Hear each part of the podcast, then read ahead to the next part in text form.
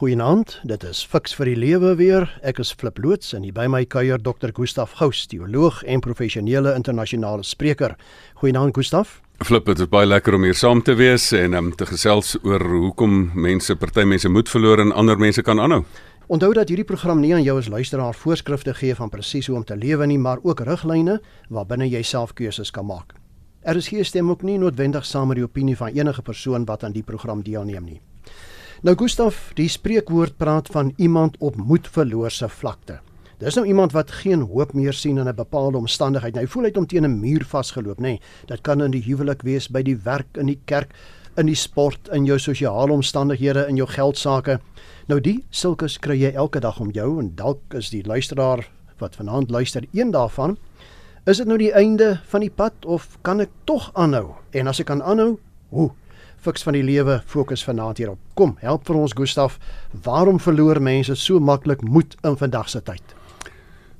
Flip aan die een kant het jy mense wat um letterlik uithou vermoë het. Um mense noem dit ook veerkragtigheid. Dit is as die storm teen daai boom druk, dan is dit elasties kom die boom weer terug. Ehm um, dit is mense wat die storm kan deurstaan, wat kan vasbyt, wat kan langer aanhou as enige enigiemand anders wat platgeslaan is en weer op kan staan. Aan die ander kant kry jy nou natuurlik mense wat opgee. Dit is mense wat dan moed verloor um, en dis meer. En uh, hierdie harde werklikheid is daar um, en nie omdat die omstandighede um, noodwendig dit veroorsaak nie. Die interessante ding is ons almal leef in dieselfde omstandighede. So as die omstandighede dit dan vir aan ons gedoen het, dan sou ons almal platgeslaan gewees het. Maar wat is dit wat in daai persoon se kop is?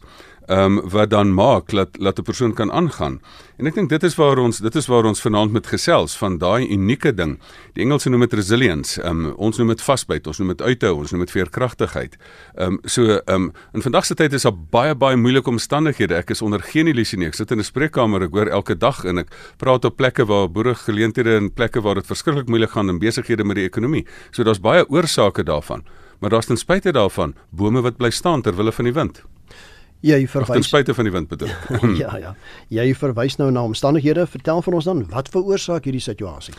Ek dink baie mense wil dit nou gaan soek en hulle wil nou so 'n bietjie van 'n verskoning gaan soek en maak asof dit nou in 'n genetiese ding is. Een van die beste boeke wat geskryf is oor sogenaamd oor ehm um, hulle noem die boek The Resilience Factor. Ehm um, het hulle gesê dat dat die, die navorsing wat hulle ge, gedoen het by Amerikaanse universiteite het hulle 100% uitgevind dat hierdie hierdie vermoë wat mense het uh, gaan nie oor jou genetika nie. Dit gaan nie oor jou kinderdae um, ervaring nie. Dit gaan nie oor 'n gebrek aan geleenthede of 'n gebrek aan geld nie die primêre struikelblok van hoekom mense die ding nie reg kry nie, is 'n in hulle woorde 'n kognitiewe styl. Met ander woorde, 'n gewone denkstyl is 'n sekere denkpatrone, denkgewoonte en dan daarmee saam 'n sekere gedagtegewoonte, 'n gedragsgewoonte, want 'n denkpatroon skep dan ook sekere gedragspatrone.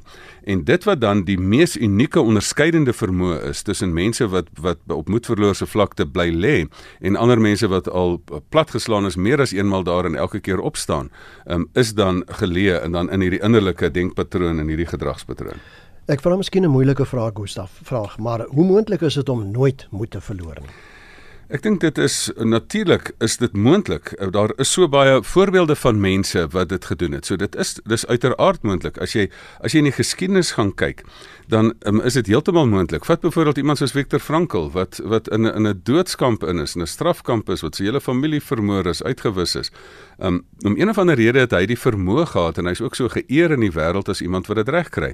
As ek my internasionale motiveringssprekers vriende vat wat op die Amerikaanse kring van van sprekers tussen lande en maatskappye beweeg, is daar mense wat vers, wat vers, vreeslike mooi stories het van mense wat in vliegongelukke geval het, hulle stikkend gebrand het en nog steeds aangaan. So daar is hoeveel voorbeelde van mense wat ten spyte van alles nog kan aangaan in my eie kliëntekring.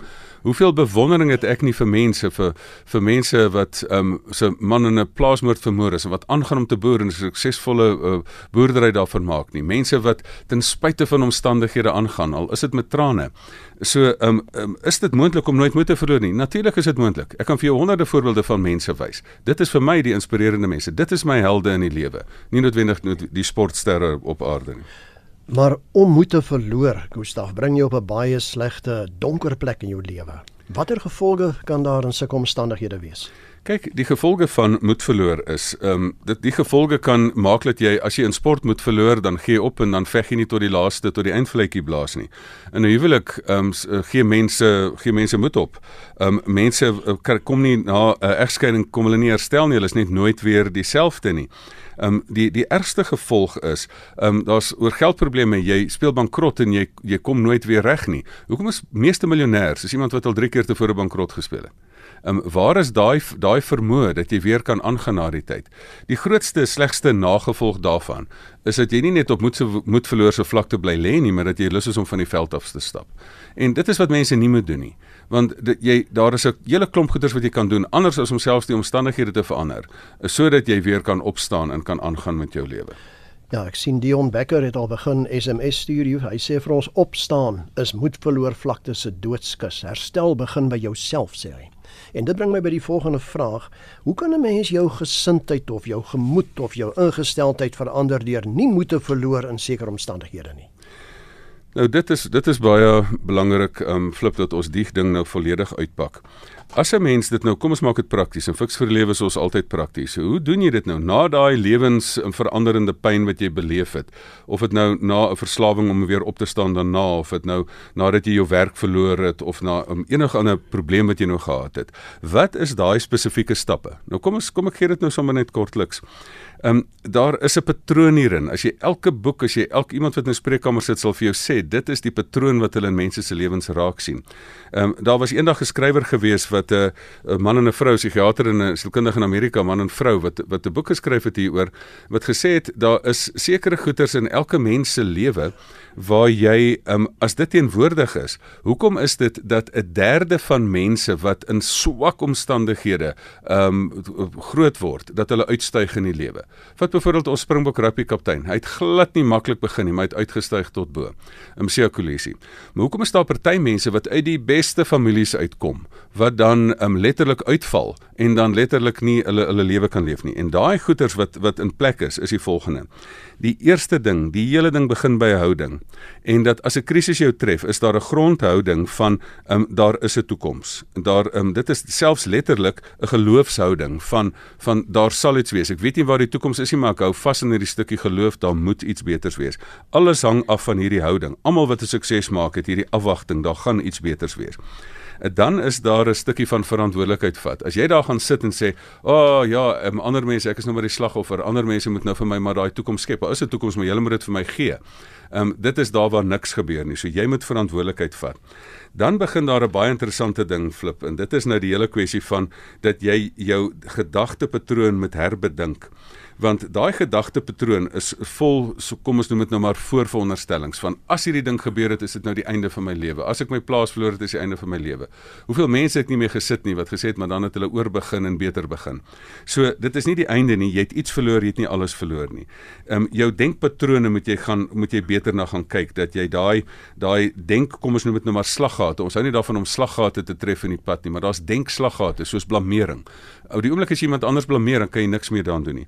So jy moet jou jy moet jou gedagtes herbedink. Dan moet jy jou emosies bestuur. Daai sterk emosies van genade, dit is vrees en ek gaan dit nie kan maak nie. Jy moet die fisiologie van vrees moet jy gaan bemeester en dan staan in die, in in die gesig van vrees.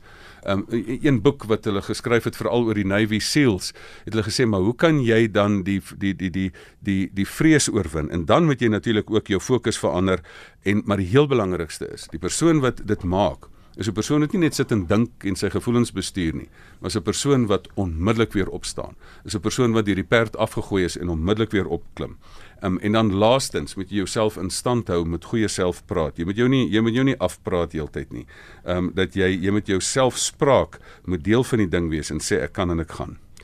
Ons is hier op RSG besig met die program Fix vir die Lewe en gesels vanaand oor moed verloor of aanhou. My gas is Dr. Gustaf Gous en jy is natuurlik baie welkom om saam te kuier.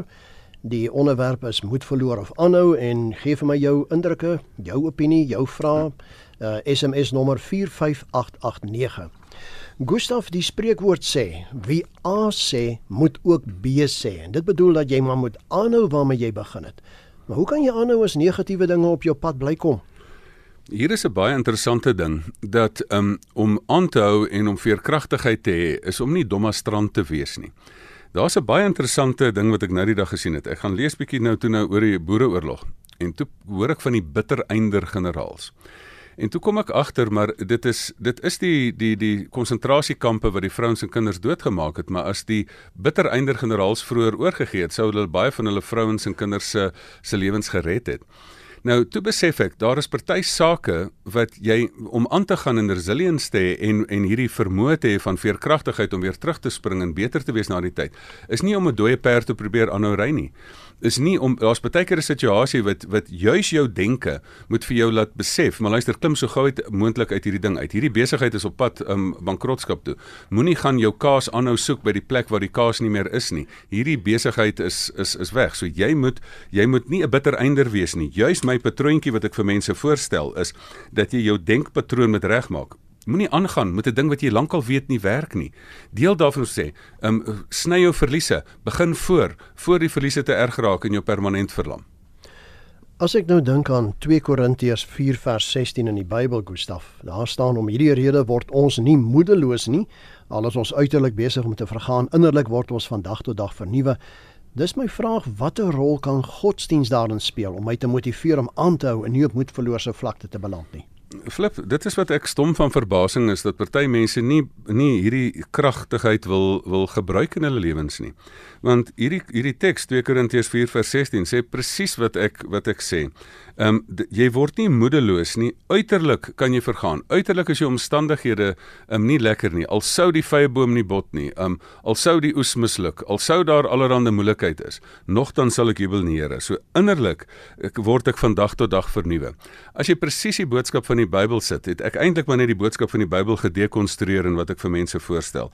Wat is die wat is die grondhouding, die geestelike grondhouding? Ehm um, Jeremia 29 vers 11. Ehm um, ek daar's 'n toekoms, al is jou toekoms opgeskeur, daar's 'n nuwe een, daar's 'n verwagting. Uh wat is die wat is die basiese verantwoordelikheid? Here sê luister ek ek sal Immanuel wees, ek sal saam met jou wees. Ek sal saam met jou staan daar. Weet jy weet jy hoe moeilik dit is om te staan in die storm as jy alleen staan? Um ek ek is stom van verbasing dat mense sonder die Here daar wil staan. Geen wonder hulle word omgewaai nie. Um, en en so gaan dit aan dat jy dan laat God jou verander deur jou denke te vernuwe. Kry daai denkpatrone reg. Ehm um, hou jou tong in toom, daai bestuur van jou emosies. Ehm um, bedink die dinge wat daarbo is, fokus dit. Maar ehm um, geloof sonder die werke is dood. Ora et labora, ehm um, bid en werk. Presies die patroontjie wat ek voorstel, het ek nou eintlik maar net in Christelike taal weer ehm um, weer in ander woorde gesê. Ja, dit lyk vir my baie mense sukkel ook om vorentoe te kyk. Gustaf, ek sien hier Nelia het vir ons laat weet sy moet inpak. Ek trek volgende week. Die taak is net te oorweldigend. Ons weet nie wat is die taak nie, maar ek is verlam van moedeloosheid. Wat nou? Ek sien baie keer dat mense verlam is in die hede as gevolg van onverwerkte gevoelens uit die verlede en bekommernis oor die toekoms of nie 'n pad vir die toekoms nie. En ehm um, baie keer moet 'n mens jou jou met die verlede klaarmaak. As sy haar gevoel van verlamming kan sê van daar's 'n gevoel van afwagting. Sê nou maar sy doen wat ons sê en sê maar uh, die Here het vir haar 'n nuwe nuwe iets aan die ander kant. Ehm um, ons weet nog nie wat dit is nie, maar ons gaan dit soek. Ehm um, die oomblik begin daar daai vrees van verlamming word 'n versigtige opgewondenheid. Wat jy sê, maar kom ek pak so gou as moontlik op. Kom ek raak van my bagasie ontslaak. Kom ek sien dit as 'n geleentheid dat ek sommer my ou goed kan weggooi. Dat ek met minder minder in um, bagasie die toekoms toekoms kan ingaan. Ja, en dis presies wat Willem op per SMS vir ons hier sê. Hy sê ek sê altyd dat wat ook al op my pad kruis, ek sien dit as 'n uitdaging. Dit motiveer my om positief te wees en maak dit ek nie gaan lê nie.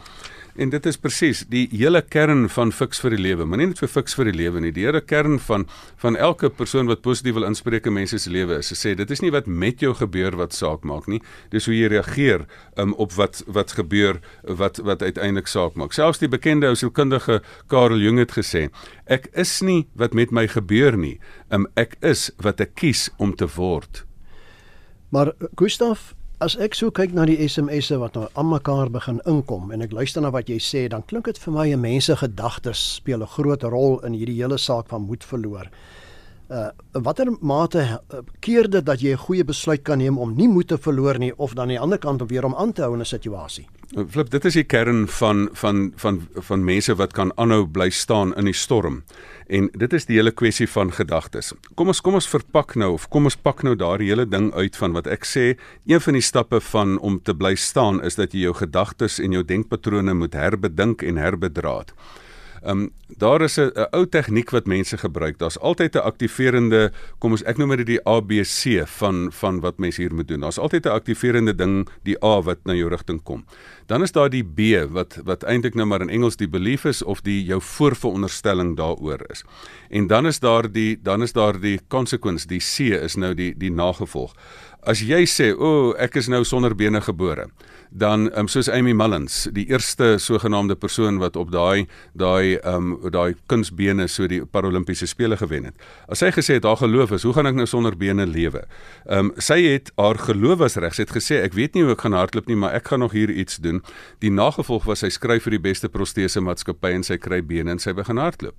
So daar is heeltyd die hele proses van denke. As jy dit nie self doen nie, dan het jy 'n lewensafrigter, dan het jy 'n 'n 'n goeie persoon wat inspreek in jou lewe nodig, 'n ouer of 'n of 'n sportcoach of so iemand. Dan het jy so iemand nodig wat dan jou slegte, kom ons noem dit nou maar voorveronderstellings betwis.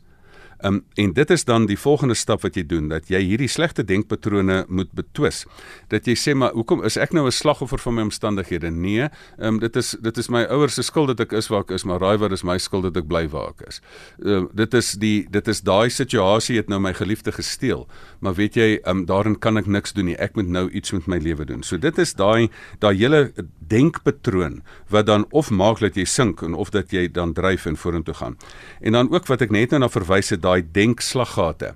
Daai denkslaggate is so, jy moet so uit daai goeters uitbly want hulle gaan jou gaan jou 'n pap wiel gee. Ehm um, dit is daai gewoonte wat ons so het om heeltemal te maklik te blameer en te sê luister maar ehm um, ja, kyk nou net waar ek is. Die oomblik as jy blameer, gee jy jou vermoë om iets te te te doen in die situasie, gee jy weg. Ehm um, en daarom moet jy sê maar dan vat jy jou verantwoordelikheid weg as jy as jy blameer. Kom, kom ek noem een voorbeeld. Een persoon, nou sien nou met hierdie vliegtuigstaking. Nou sê ag, nou is my vliegtuig gekanselleer of is nou laat. En die, dan sê die slegte goed gebeur altyd met my. Weet jy dis 'n verkeerde denkpatroon. Die slegte goed het nie net met jou gebeur nie, maar dit almal al die passasiers gebeur. Raai wat? Die persoon wat positief dink sê, weet jy nou sit ek hier gisterand op hierdie verkeerde plek. Nou kan ek miskien hier 'n eetjie eet. Nou kan ek bietjie inhaal op my e-posse en my my selfoon en my WhatsApp boodskapies en enige halfuur wat jy vir enige persoon enige tyd gee, kan ek in elk geval benut. sien jy die die verskil in denkpatrone? Die een sê ag, die hele wêreld is teen my en hoekom gebeur dit altyd met my? Die ander een sê ag, weet jy wat ook al gebeur, ek gaan my wind na die seile draai en ek gaan die energie van hierdie situasie gebruik om my dan op 'n ander beter plek uit te bring. Ja, dit is die gedagtes wat 'n mens seker nou maar moet positief stel, maar ek sien hier's twee SMS'e wat baie na mekaar lê alhoewel bietjie verskillend, Gustaf. Die ene sê Hoe verloor ek nie moed nie as ek op 63 my werk verloor het en dit nie maklik is om op hierdie ouderdom weer werk te kry nou net aan die ander kant is hier 'n Engelse luisteraar wat skryf vir fiks vir die lewe I failed at everything. Uh try to stop satanists now target all the time going to end my life Simon As 'n mens sê die feit dat jy vandag nog leef, is 'n teken dat jy nog nie aan alles gefaal het nie. Die feit dat jy oorleef het, is 'n teken dat jy dat as jy al daai moeite Simon deurgemaak het, moet ek jou vanaand op die skouer klop. Jy het dit tot hier toe gemaak. En weet jy wat sê ek baie keer vir mense? As jy met al daai moeite wat dalk nou meer is as wat baie ander mense gemaak het tot hier toe gemaak het, dan gaan jy dit ook vorentoe maak. So hoekom nou opgee? Uh, dit is nie nodig om nou op te gee nie. Ehm um, daar is daai vermoë. En weet jy een van die dinge van van ehm um, uithou vermoë is is is dat jy hulp vra. En weet jy na twee rigtings moet jy hulp vra. Jy moet jou hand na boontoe uitsteek en jy moet jou hand na langs die kant toe uitsteek. En as jy vir die Here vanaand vra en vir hom sê Here, vanaand moet U vir my asseblief hier help. Moenie verbaas wees as dit wel gebeur nie. Nommer 2 as jy dan ook na die kant toe na iemand toe stap en sê luister ek sit op moet verloorse vlakte. Weet jy hoe baie mense is daar wat dit as hulle lewensroeping maak om mense om mense by te staan en mense moet in te praat? So uh, moenie hier met hierdie interne selfspraak verdwaal in jou interne selfspraak nie. Gaan sit met mense daar buite stap na uh, die naaste vriendelike persoon toe en gaan sê luister um, jy, ons gaan ons gaan hier deurkom. Ek het 'n boodskap gekry ons gaan hier deurkom. Ek weet net nie hoe nie. Help my om die pad te soek Dit is RSG met die program Fix vir die Lewe. Ons gesels vanaand oor moed verloor of aanhou. My gas is Dr. Gustaf Gous. Ons SMS nommer as jy wil deelneem aan die program 45889. Baie dankie aan die luisteraars wat een na die ander al hulle SMS'e deurstuur. Uiteraard kan ons nie alles kan hanteer nie, maar ons kyk of ons van die goed kan inpas. Gustaf, 'n spreekwoord, nog 'n spreekwoord sê aanhouer wen. Is dit altyd waar, veral wanneer jy op moedverlose vlakte sit? Ja, dit was die interessant genoeg. Dit was nogal ehm um, daai stukkies positiewe goed wat in jou gedagtes ingeprent is. Raai wat, my laerskool se ehm um, my laerskool se lese was dit. En dis die positiewe ding van hierdie leuses wat jy want daar's op 'n stadium toe ek toe ek die leuse gehoor het as 'n ou klein seentjie in die laerskool het ek dit nog nie nodig gehad nie. Wanneer het ek hierdie leuse nodig gehad later in my lewe? Gelukkig is dit in jou kop ingeprent. Daar is 'n baie interessante ding dat baie mense sê dat dat kampioene word nie gevorm um nie um in in gewone maklike wedstryde nie. Um kampioene word gevorm deur terugslag. Um so hoe meer as jy aanhou, aanhouer wen. Wat besê dit? Ek nie ek wen heeltyd nie. Ek verloor meermale, maar as ek aanhou en jy moet opgee nie. Um dit is daai dit is daai na verloor wat jy opstaan wat jou weer fiks maak vir die lewe, wat jou weer daardie daardie vermoë gee, daai veerkragtigheid gee om weer op te staan. So moenie verwag dat jy 'n maklike lewe gaan hê nie. Dit is juis daai probleme. Um dit is juis in 'n gimnasium wat jy vir jouself jou spiere eintlik 'n uh, uitdaging gee, amper jou spiere seermaak. Um en amper hoe bou mens spiere? Jy skeur daai spier so klein entjie uitmekaar uit en dan groei daar 'n nuwe spier tussenin. Dit is wat aanhouer wen, maak dat jy dan op die ou einde wen. En Hester sluit by jou aan as hy sê ek dink dat moedeloosheid vererger as ons dink die probleem is die einde van die hoofstuk. Die probleem is dalk maar net die begin van 'n heel nuwe boek. Nou, dit is 'n klassieke voorbeeld, baie mooi daarvoor. Dis 'n klassieke voorbeeld van mense wat sê wag, hiermee eindig alles nou. Die feit dat jy nog lewe is 'n teken dat dat dat niks nog eintlik geëindig het nie, net jou vorige lewenshoofstuk het geëindig. Jy het, jy het nog al jou fakulteite en dan het jy alles verloor, um, dan het jy nog die innerlike vermoë en die denke om weer van voor af iets nuuts op te bou. Ja, en Kali Nelson sê net baie dankie Gustaf. Hy sê besigheidseienaar, dis wat hy is. Hy het onlangs in sy besigheid slagoffer van gewapende roof geword. Twee keer in 2 maande was Vrydagmiddag so moedeloos en toe het hy aan sy kinders gesê ons maar moet verkoop op 'n sluit wat is ons toekoms en hy kan nie glo dat hy vanaand na hierdie onderwerp luister wat vir hom nuwe rigting gee nie. Absoluut. En en baie keer is um, is verkoop die opsie. Baie keer is dit die die verandering van gedagte net um, ook die opsie. Ek sit met baie kliënte wat net gesê het, maar weet jy, um, hier is 'n situasie hierdie hierdie hierdie spesifieke oorlewingssituasie gaan maak dat ek net beter veiligheid um, vir die toekoms insit. Ander mense sê maar nee, ek wil in 'n ander bedryf ingaan. Maar ek is 100% dankbaar dat jy dat jy die innerlike krag besef dat daai wat mense die geweld wat jou aandoen is nie dit wat jou gaan bepaal in die lewe nie. Dit is die moed wat jy gaan demonstreer en die krag wat jy gaan demonstreer ook in die oë van jou kinders um, wat gaan maak dat 'n mens op die einde sê, maar jy leer hulle die sogenaamde veerkrag veerkragtigheid of elastisiteit of uithou vermoë wat nodig is. Hoe ontwikkel 'n mens uithou vermoë, Gustaf, wanneer almal om jou moet opgee? Nou, dit is die interessante ding. Ehm um, hierdie ding uithou vermoë is 'n ding wat wat ontwikkel moet word. Dis wat mense mense dink jy word net met daarmee gebore. Dit is glad nie so nie. Daar's geen vaardigheid meer waardevol vir oorlewing en nie net vir oorlewing van minus tot 0 nie, van van 0 tot 100 ook, vir die kwaliteit van lewe.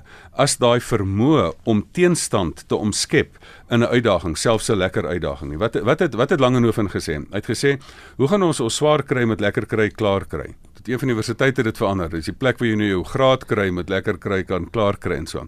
Hoe leer mense dit vir jou kinders aan?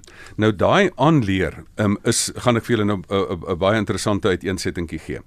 Daai aanleer vermoë is Ons moet nou uit hierdie ding uitkom dat ons ons kinders in hierdie kussentjies hou en in hierdie absolute ou, kom ons noem dit nou maar gemaksonetjie hou en hierdie gehoorsame ouers is. Jy met jou kinders, 'n voël wat nie uit die nes uit geskop het nie, gaan nooit leer vlieg nie ek sien om die waarheid te sê, kan ek kan ek nou maar regtig vir jou sê, ek sien in die samelewing soveel slap seuns en en verpiepte vrouens, eh, sien ek daar in die in die wêreld daar buite wat dan in hierdie kussing bestaan groot gemor, ge, gemaak is deur deur um, helikopterouers wat vir hulle alles reg het. O, kan nie ek kan nêrens sien ry nou bel ek gou vir ma, ma Google gou vir my. Jy kan self Google man, jy het jou eie ding. Um, moet nou nie al daai goeters nou, moet nou nie so iemand nou um, so net aanhou in hulle sterk in hulle kwaad sterk nie. Jy moet iemand gaan gaan uitgooi, uitskop kop en jy moet vir hulle hulle kragte, hulle vlerke laat sprei. Dis 'n ding wat jy kultiveer. Ehm um, jy jy sit 'n kind in in in in situasies waar jy weet jy gaan hierdie kind 'n bietjie verder strek as wat hulle moet. As ek gaan berg klim, hoekom gaan klim ek berg saam met my kinders? Ek gaan sit daai swaar rugsakkies op en ek wil kyk hoe hierdie kind se siege met hierdie ding kan. Ek sit hierdie uitdaging voor en sê ons gaan daai uitdaging bereik. Ek doen dit so dat jy nie die moed breek nie, maar dat jy dat jy aangaan. So hierdie hele proses is, dis 'n ding wat gekultiveer moet word. Daai navorsers wat daai tyd gesê het, het gesê sê as jy dit wil kultiveer, moet jy vir 'n persoon heeltyd 'n uitdaging gee. Jy moet vir 'n persoon heeltyd die gedagtepatroontjies sê, die positiewe gedagtepatrone gee. Jy moet die persoon leer om om hulle emosies te hanteer, 'n kind, en jy moet dan ook in daai kind glo een van daai daai faktore wat wat hulle navorsing gedoen het oor mense wat uit die slegste omstandighede bo uitgestyg het, was dat daar iemand is wat in daai kind geglo het. Nie om heeltyd gekoester het in in soos 'n ou um gepamper lang het nie, maar wat hom uitgegooi het en sê het, ek glo jou, ek skop jou uit die nes uit, maar ek glo dat jy kan vlieg. Nou ja, kom ons vat saam Gustaf. Uh hoe kan 'n mens uit jou moederlose toestand kom en aanhou op die pad vorentoe? Flip, daar's net daar's net een roete. Um as jy daar is almal van ons word getref deur hierdie geweldige hoeveelheid van dinge wat ons platslaan en ons besighede verloor en ons werke verloor. As jy daar gaan stop, dan is jy onderdeur. As jou houding is, sê hier moet 'n pad uitwees, um, ek gaan die pad vind. As dit 'n geloofshouding is, dat jy sê maar ek staan nie alleen hier nie, die Here gaan my help, dan sit jy in nog 'n beter posisie. As jy besluit neem ek vat verantwoordelikheid om iets daaraan te doen, dan begin die dinge gebeur. En dan moet jy jou gedagtes reg bestuur, jou denkpatrone, dat jy jouself uit 'n slagoffermentaliteit in 'n wenmentaliteit insit. Dan moet jy jou sterk emosies van vrees, moet jy moet jy kan sê maar moed is nie afwesigheid van vrees nie, maar dit is die dit is die um in die staan in die gesig van vrees. Dan fokus jy op die voorhande taak. En weet jy die mense wat dit wen, is die mense wat dan daai eerste aksie stap om dan onmiddellik te oorleef en dan 'n nuwe toekoms te skep. Ja, dit dan al vanaand fiks vir die lewe. Dankie vir jou as luisteraars se saamgesels. Dankie ook aan Dr. Gustaf Gous. Gustaf, jou kontakinligting? gustaf@gustafgous.co.za e-posadres en gaan na ons Facebookblad toe. Um fiks vir die lewe. Haal nou jou selfoon uit, fiks vir die lewe Facebook en like die bladsy. En my kontakinligting is flip by mediafocus.co.za. Tot ons weer saamkuier volgende Sondag aand. Totsiens en alles van die beste.